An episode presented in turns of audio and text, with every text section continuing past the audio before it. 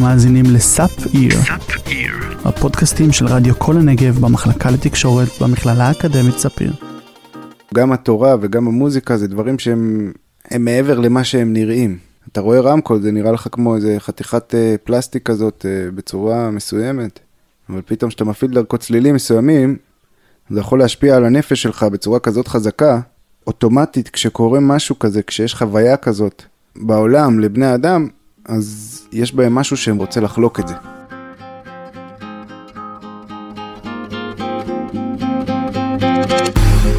הבחור ששמעתם עכשיו הוא חיים דדון, בן 27 מבאר שבע, והוא ילווה את הפרק הזה של זום אין, הפודקאסט שמפרק את ההגדרות מאנשים. אנחנו מזמינים אתכם להקשיב לסיפורים האישיים מאחורי הסטיגמות. בפרק הזה, חיים מספר לנו איך מטאליסט הדוק חוזר בתשובה מלאה, ואיך הסביבה הגיבה לשינוי שעבר. בבאר שבע תמיד הרגשתי כזה שהיא סגורה קצת, שאני כזה בתוך כלא כזה, שאנשים תמיד מנסים להכניס אותך לאיזה תבנית, לאיזה משבצת, לשפוט אותך לפי איזה מראה חיצוני. לא, לא הייתי כזה הכי חברתי כזה בבית ספר, הכי מעורבב, גם כולם שם היה להם היסטוריה מהיסודי ופה ושם, אני הגעתי כזה חדש, אף אחד לא הכיר אותי כזה וזה, אז הייתי כזה בפינה שלי. תמיד הייתי מתחבר לשוליים, כי אני בעצמי שוליים. אני טיפוס של שוליים, אני אף פעם לא הייתי מוצלח מאוד, אה, כאילו, אין לי איזה מעמד חברתי גבוה, הדעות שלי מאוד אה, שונות, אז באופן טבעי נמשכתי לשוליים. החסך בחיי החברה של חיים התמלא בשתי אהבות שונות ומפתיעות, שממלאות מקום משמעותי בחייו עד היום. החברים שלי היו הכלבים שלי, תמיד היו לי כלבים בבית, והם היו, תמיד אהבו אותי ללא תנאים, וגם מוזיקה אהבה אותי ללא תנאים. הייתה, הייתה הרבה מוזיקה בבית, ו... ואני מגיל קטן מאוד אהבתי מוזיקה, אהבתי לשמוע מוזיקה. אחותי הייתה שומעת אה, הרבה רוק, כל מיני אביב גפן ודברים כאלה, וקצת לד זפלין ודברים קצת יותר כבדים. מוזיקת הרוק שהתנגנה בבית עודדה את חיים לחקור עולמות נוספים. דרך פורומים באינטרנט הוא הגיע לאהבה גדולה הרבה יותר, המטאל. אני ממש ממש התאהבתי בצלילים, זה, זה היה בשבילי כמו, כמו טריפ כזה, כמו להיכנס למין עולם כזה יפה כל כך ועוצמתי, יש עוצמות כאלה במטאל שלא שומעים במוזיקה אחרת, שלא שומעים בכלל ביום יום. אין, אין, אין לנו גישה ל, ל, לעוצמות כאלה. אתה זוכר את ההופעת מטאל הראשונה שהלכת אליה? וואו, כן, זה היה ברוק, מכיר?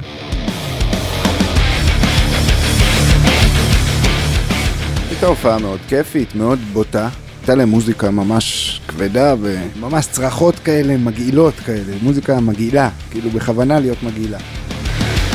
והם היו די טובים, הם היו נותנים בראש, ואני זוכר, קפצתי שם מהבמה פעם ראשונה בחיים, וואו, וצילמו אותי. צילמו אותי על הבמה, ככה מרים ידיים, לפני שקפצתי, ואז, ואז נפלתי על הראש, על הרצפה. אבל אז עליתי שוב פעם, כי זה היה כל כך כיף, אמרתי, הפעם אני לא אפול. ואז נפלתי שוב.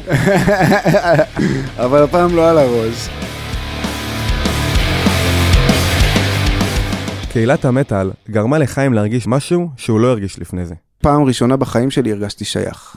עם המטאליסטים. אני חושב שזאת בעצם, ה, יותר ממה שאהבתי את המוזיקה, אני חושב שזאת הנקודה שהכי גרמה לי להתאהב בזה בצורה קיצונית כל כך ומיידית.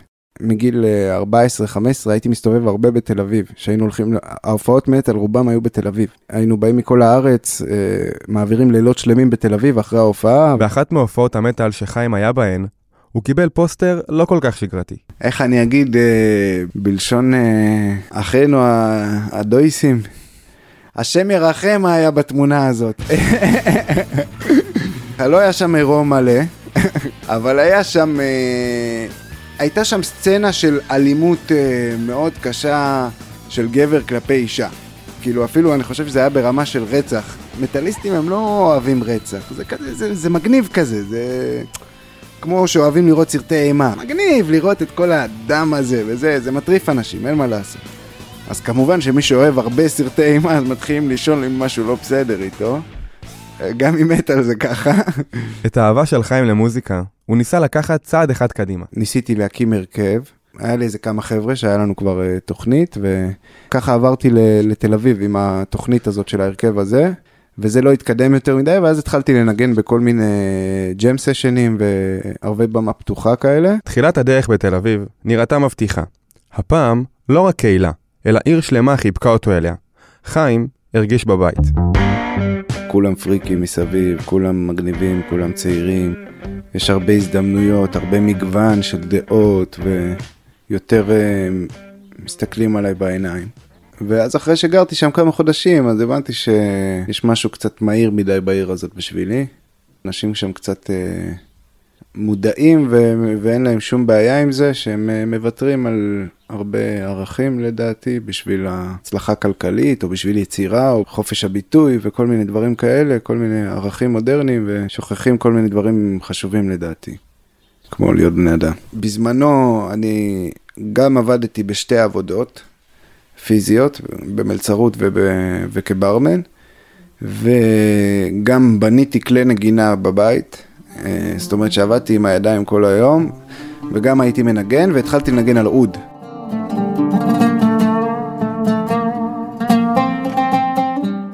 האוד הוא, הוא כלי שהוא, היה לי קצת יותר קשה לנגינה, כנראה לא ידעתי את הטכניקה כמו שצריך וכולי, והיה איזה פעם, איזה יום אחד שניגנתי עליו, באותה תקופה כבר היו לי קצת כאבים בידיים שהייתי מנגן, אבל הם היו עוברים, ואז יום אחד ניגנתי על האוד וניגנתי יותר מדי, ופשוט הרגשתי את היד שלי ככה משתתקת לכמה שניות. ומאותו יום אה, היא כאבה לי ברמה כזאת שלא יכלתי לנגן, לא יכלתי להחזיק עם הדברים בידיים, לא יכלתי לעשות כלום עם היד. אז הייתי צריך גם לעזוב את שתי העבודות שלי, ובעקבותן גם לעזוב את הדירה, כי לא היה לי איך להחזיק דירה, ולעזוב את תל אביב, וגם לעזוב את כל הפנטזיות והקריירה כביכול המוזיקלית, שבדיוק התחילה לרקום עור וגידים. לצערו, החוויה הטראומטית שלו לא הייתה חד פעמית, ובהמשך הוא גילה שהוא חולה במחלה כרונית בשם פיברומיאלגיה, או בעברית, דאבת השרירים. הייתי חסר אונים. לקחו ממני את העצמאות שלי, שהיא מאוד חשובה לי. חזרתי לגור עם ההורים, שזה היה לי מאוד קשה. לקחו לי את המוזיקה שלי, את האהבה שלי. ויותר מהכל הייתי כזה חסר כיוון, כאילו, אוקיי, מה עושים עכשיו? כאילו, עד עכשיו ידעתי מה אני עושה. עכשיו, מה עושים? לא יודע מה עושים. כי מוזיקה זה בעצם... אה, מאז ומתמיד, מוזיקה זאת הייתה אצלי בחירה של... כאילו, מאז שהתפקסתי, שניסיתי לקחת את המוזיקה לכיוון של אה, מקצוע וכאלה, אז זה היה קצת אה, ממקום של בחירה, בעיקר ממקום של אהבה, אבל איפשהו זה גם ממקום של בלית ברירה. ובזמן שהחלום של חיים מתרחק ממנו, הוא מוצא תקווה חדשה ממקום לא צפוי. כדי לטפל בדלקת, להרגיע את הכאבים, אז הייתי שם איזה תחבושת אלסטית כזאת. ומלפף אותה ככה מהמרפק עד, אה, עד שורש כף היד. אה, ואחרי שעשיתי את זה כמה שבועות, אז יום אחד בבוקר פתאום נפל לי האסימון, שזה מאוד מזכיר לי את התנועה של התפילין. אה, וזה מאוד ככה סקרן אותי לנסות את, ה, את הדבר הזה, את החוויה הזאת. אז הלכתי לבית חב"ד, ותוך כדי שהנחתי תפילין, הרגשתי חוויה רוחנית מאוד עוצמתית. קשה קצת לה, להעביר את זה, אבל עברתי חוויה מאוד עוצמתית בכל הגוף, הרגשתי זרמים של, של חשמל ושל אנרגיה, והרגשתי איכשהו ש, שהקדוש ברוך הוא נגע בי, אפשר להגיד ככה, קירב אותי אליו, ושם החלטתי שאני, שאני חוזר בתשובה.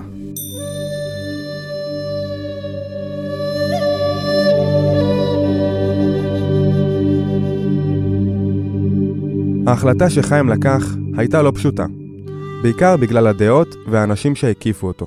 הייתי עובד באיזה מקום כברמן, ומאוד התביישתי לשים שם כיפה, כי זה היה מקום מאוד אה, חילוני, מאוד... אה, בגלל שהכרתי קצת את הנפשות הפועלות, אז אני ידעתי שיהיה איזה לגלוג מסוים. אז קצת ככה דחיתי את זה, אבל בשלב מסוים הגעתי למסקנה ש... יאללה, אני מאמין בזה, זה מה שאני עושה, ואין סיבה שאני אתבייש לעשות את זה בעבודה שלי. אז uh, הלכתי יום אחד עם כיפה לעבודה. ואז uh, המנהל של המקום ראה אותי עם כיפה והוא היה קצת עמום. הוא הסתכל עליי כזה, ניסה להסתיר את זה שהוא מופתע. ואז הוא, אחרי כמה דקות, הוא שאל אותי בעדינות, "אה, תגיד, אה, קרה משהו? מישהו נפטר? מישהו במשפחה נפטר או משהו? שאלתי, לא, למה? אמר, לא, כי אתה עם כיפה, אולי מישהו נפטר, אתה בשבעה, משהו. ככל שהאמונה שלו התחזקה, כך גברה גם הביקורת. אדם חוזר בתשובה או דתי, אדם שגאה ביהדות שלו, חושבים שהוא טיפש, חושבים שהוא משוגע, שהוא השתגע, שהוא קיצוני, שהוא פרימיטיבי, וזה לא, לא בא טוב לאנשים שאתה דתי פתאום, לא בא להם טוב. מה עכשיו תבוא, תתחיל להגיד לי מה לאכול, ומה מותר ומה אסור, ותתחיל להיות יפה נפש, ולשחק לי על המצפון. אנשים יש איזה מין אה, פרנויה כזאת מדתיים, שלא ברור לי מאיפה היא מתחילה ולמה, אבל אני יודע שתמיד אני אה, הייתי במקום כזה של, רגע, אבל מה אתה רוצה ממני? אני לא אמרתי לך כלום. אני בסך הכל שמתי כיפה ואמרתי לך שלום, זה הכל. לפעמים הרגשתי שנאה מאנשים. היו לי מצבים שבאתי לאיזה קיוסק או למכולת, ראיתי שקיבלתי יחס פחות מועדף מהמוכר, ראה את הלבוש שלי ככה, רואים את זה במבט, הוא לא יגיד לך כלום. אף אחד לא יגיד לך שיש לו בעיה איתך, כי אתה חרדי. אבל הוא שונא אותך בפנים, הוא, הוא חושב ש, שבגללך כל הבעיות במדינה. שאתה גורם לכל הבעיות בתקציב של המדינה, ושאתה חי על חשבון המדינה, ובוודאי שאם אתה חרדי שנחמד לילדים, אתה בוודאי פדופיל, כן? כאילו, אם אתה מדבר עם ילד, אתה לא צריך לענות לו, כן? אם אתה עונה לו, שלום, מה אתה צריך חמוד? זה לא מקובל. מה זה חמוד? מי זה החרדי הזה שאומר חמוד לילד? לא רק קולות חיצוניים הקשו על החזרה בתשובה של חיים. היה גם קול פנימי שלעיתים ערער אותו בדרך. דתי שאומר לך שאף פעם לא, היה לו, לא הייתה לו מחשבה לגזור את הציצית אה, או לזרוק את הכיפה, הוא משקר לך. וזה גם, זה לא בושה, זה חלק מהרומן של הקדוש ברוך הוא עם עם ישראל, מאז ומתמיד, שלפעמים אנחנו שוכחים ומתרחקים ממנו. אז אומרים, מה הבאת אותנו לפה? עדיף היינו נשארים במצרים כבר. בשביל מה באתי? בשביל אה, כל האתגרים האלה, בשביל כל הקשיים האלה? לא, לא בשביל זה חזרתי בתשובה. חזרתי בתשובה בשביל טוב. כי בן אדם עושה דברים, כל דבר שאתה עושה, אתה עושה בשביל הטוב שיש בזה. אבל הקשיים מתגלים בדרך. אז אין מה לעשות, זה כמו סיפור אהבה. ואם האהבה מספיק חזקה, אז אתה לומד להתגבר עליהם. והוא שומע, והוא גם, הוא לפעמים עונה לך גם. סתם דוגמה, אם... אה, בזמנו אני זוכר שהתפללתי על אה, אם לעבור לירושלים, התפללתי על זה ולא, ולא קיבלתי, לא הרגשתי שהגעתי למסקנה בתפילה, הרגשתי שעדיין יש לי סימן שאלה, ואיך שנכנסתי לאוטו, התנגן שיר על ירושלים. שהיה, כאילו ממש, איך שהפעלתי את הרדיו, אז המילים הראשונות ששמעתי מהשיר היו תשובה בדיוק לשאלה ששאלתי את הקדוש ברוך הוא. איך זה כל פעם מגיע איתך למוזיקה? אה, זה קטע. כאילו אתה אומר גם הקדוש ברוך, אפילו הקדוש ברוך הוא מדבר איתי דרך מוזיקה.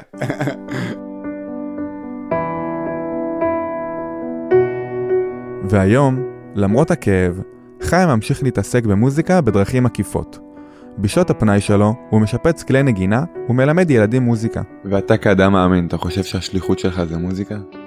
אני כאדם מאמין, שאלה קשה, אני, אני בדיוק בתקופה האחרונה מנסה למצוא את התשובה, את התשובה לשאלה הזאת. אני חושב שהתשובה כתובה על הקיר, אחי. אה, הלוואי. אתה לא חושב את זה עליך?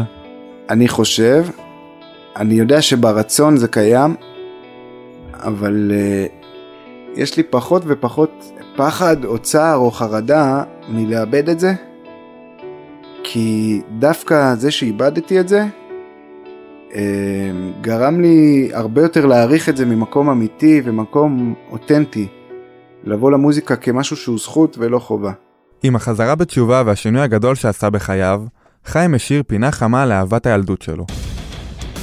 ועד היום, בין ספרי התלמוד לתפילות, הוא מפנה רגע פנוי ביום שלו בכדי לשמוע את אותה מוזיקה שהוא כל כך אהב.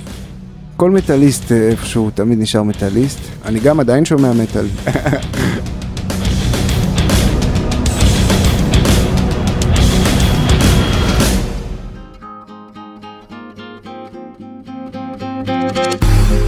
אתם האזנתם לזומין, הפודקאסט שמפרק את ההגדרות מאנשים. אני נועם טדגי, ואיתי הפיקו לילך ביטון ואורי עוז. תודה מיוחדת לחיים דדון על השיתוף של הסיפור המיוחד שלו. אתם מוזמנים להמשיך ולהקשיב לעוד פרקים בסדרה.